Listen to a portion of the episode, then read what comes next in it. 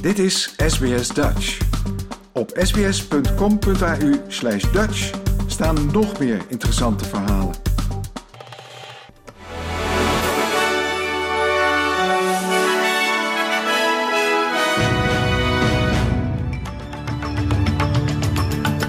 Dit is de SBS Nieuwsflits van woensdag 8 november.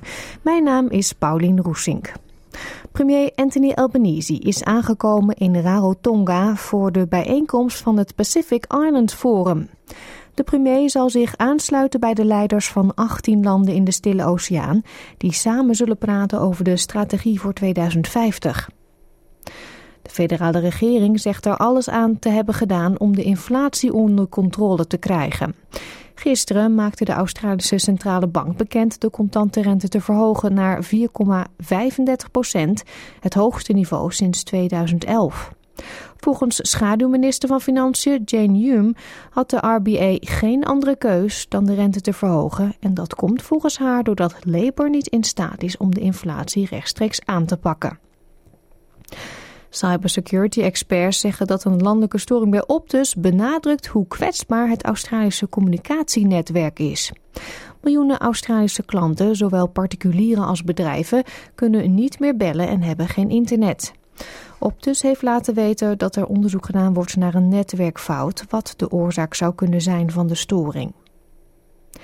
In een televisietoespraak heeft de Israëlische premier Benjamin Netanyahu gezegd dat het Israëlische leger Gaza-stad heeft omsingeld en dat er in het centrum zware gevechten met Hamas plaatsvinden.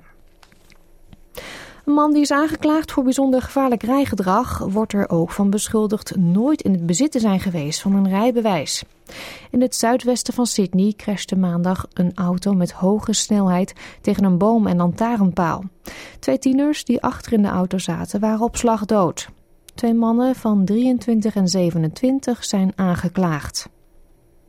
Vandaag begint bij het federale hof een rechtszaak tegen Qantas vanwege diens besluit om duizenden reeds geannuleerde tickets toch te verkopen.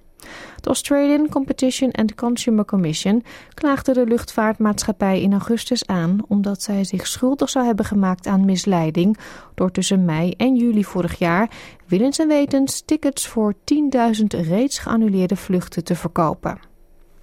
En nieuws uit Nederland dan. Het Prins Bernhard Cultuurfonds heet voortaan het Cultuurfonds. Aanleiding voor het schrappen van de naam is de recente ophef over het lidmaatschap van Bernhard van de NSDAP, de partij van Adolf Hitler. In het privéarchief van de prins werd onlangs de originele lidmaatschapskaart aangetroffen, terwijl hij altijd ontkend heeft lid te zijn geweest. Het Cultuurfonds zegt nu een naam te hebben die past bij wie we nu zijn met focus op de inhoud. Tot zover deze nieuwsflits. Volg de SBS Dutch podcast voor meer nieuws en achtergronden of bezoek onze website www.sbs.com.au/dutch.